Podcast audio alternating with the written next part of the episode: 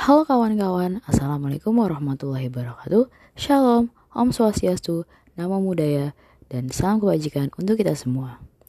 Selamat datang di podcast Red Station yang membahas berbagai topik daily life, politik, dan cerita bersama saya Amar Elvita. Kali ini kita akan membahas tentang hubungan simbiotik antara desentralisasi dan demokrasi. Memang banyak ahli sepakat bahwa konsep desentralisasi dan demokrasi ini merupakan konsep-konsep yang sangat kompleks. Nah, maka dari itu pemahaman yang jelas terhadap konsep dan teori dari keduanya memang menjadi sangat penting. Di antara potensi keuntungan yang bisa diperoleh, desentralisasi dipandang sebagai strategi penting dalam rangka memperkuat demokratisasi. Misalnya, Reddy dan Sobelo serta Hart berpendapat bahwa demokratisasi tidak akan efektif jika tidak disertai dengan desentralisasi kekuasaan yang efektif juga. Lebih lanjut, berdasarkan perspektif tersebut, desentralisasi memang dipercaya mampu membawa the policy making unit closer to the people. Nah, dengan tujuan untuk membuka peluang partisipasi warga yang lebih luas dalam proses-proses politik, serta sekaligus memasukkan preferensi masyarakat yang lebih luas ke dalam proses perumusan kebijakan. Dengan kata lain, desentralisasi ini juga mendorong partisipasi masyarakat di luar pemilu loh. Nah, satu hal yang penting di sini adalah bahwa partisipasi masyarakat itu tidak hanya sekedar melaksanakan program pemerintah saja, tetapi juga proses pembuatan keputusan menyangkut anggaran dan program. Dengan dengan demikian, peningkatan partisipasi masyarakat pada level lokal dapat memperbaiki kinerja demokratik dari institusi politik dan karenanya memiliki dampak positif terhadap konsolidasi demokrasi negara secara keseluruhan. Namun demikian, pengalaman banyak negara memang menunjukkan bahwa memang tidak ada jalan yang mudah untuk mewujudkan hubungan ideal tersebut.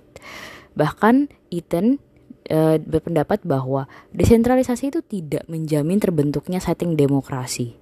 Selain itu, demokrasi lokal juga hanya akan berkembang jika devolusi kekuasaan dan sumber daya kepada pemerintah yang lebih rendah serta partisipasi politik warga juga yang memadai serta eksis.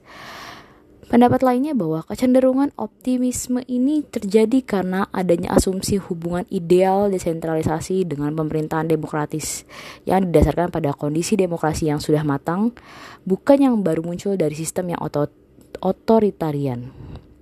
Nah, asumsi ini termasuk kehadiran kemauan politik yang memang kuat dari pemerintah pusat dan daerah, serta kapasitas administratif yang tinggi dimiliki oleh institusi lokal, sumber daya keuangan yang memadai, organisasi-organisasi civil society yang aktif, dan masyarakat lokal yang aktif dan atentif.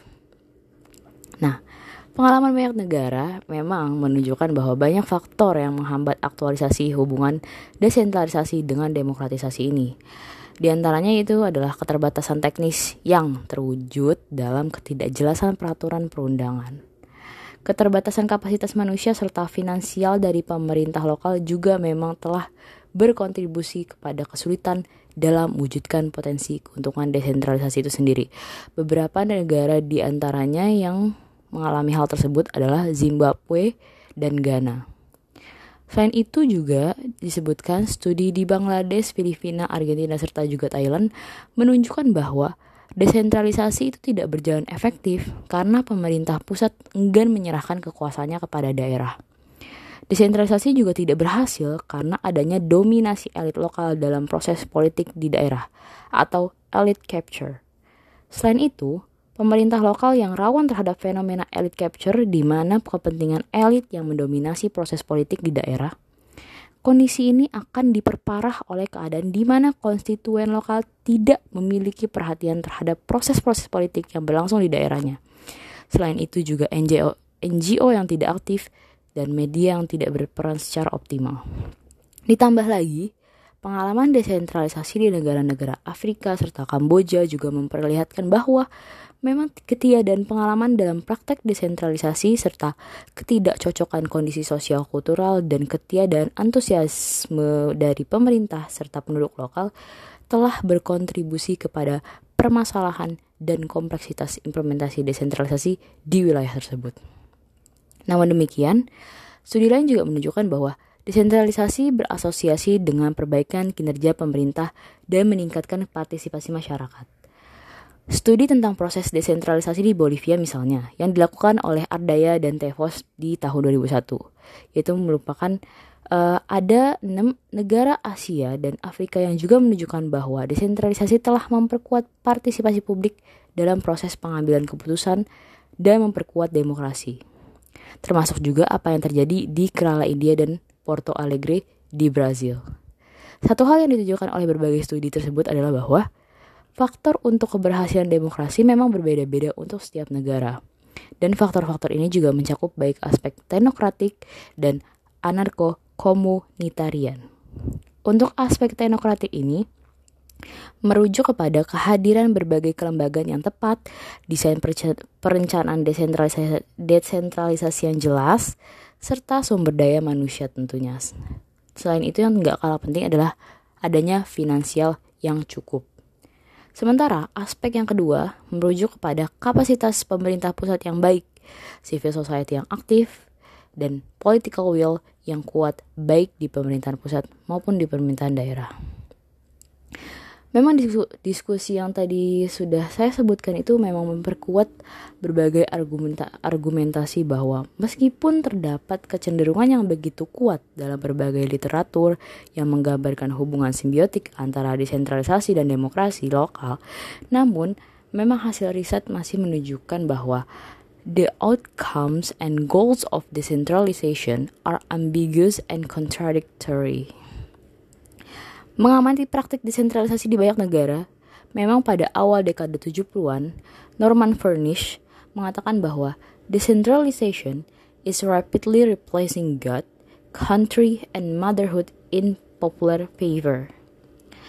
Banyak lagi ahli yang memang memiliki pandangan serupa dengan Furnish uh, beberapa dekade kemudian. Ketertarikan yang memang mendunia terhadap konsep desentralisasi berkembang pada akhir dekade 60-an ketika banyak negara berkembang menemukan bahwa memang sistem perencanaan yang tersentralisasi telah gagal untuk mencapai tujuan pertumbuhan ekonomi yang telah ditetapkan. Yang terjadi justru sebaliknya yaitu pertumbuhan ekonomi yang lamban, semakin lebarnya kesenjangan pendapatan, dan semakin besarnya kemiskinan. Sejak saat itu, para perencana dan pembuat kebijakan di seluruh dunia, termasuk lembaga-lembaga internasional terkemuka, telah merekomendasikan desentralisasi sebagai alternatif pendekatan terhadap pembangunan. Namun demikian, perkembangan selanjutnya menunjukkan bahwa desentralisasi tidak secara otomatis dapat memfasilitasi demokrasi pada level lokal. Banyak faktor yang dapat mendistorsi potensi hubungan simbiotik keduanya. Kajian teoritik dan empirik menunjukkan bahwa memang faktor-faktor ini akan berbeda untuk setiap negara dan dari waktu ke waktu juga termasuk di Indonesia. Nah, itu dia tadi hubungan simbiotik antara demokrasi dan desentralisasi secara singkat. Berakhir sudah topik bahasan kita pada hari ini dan jangan lupa stay tune di Rest Station for more content like this. Thank you.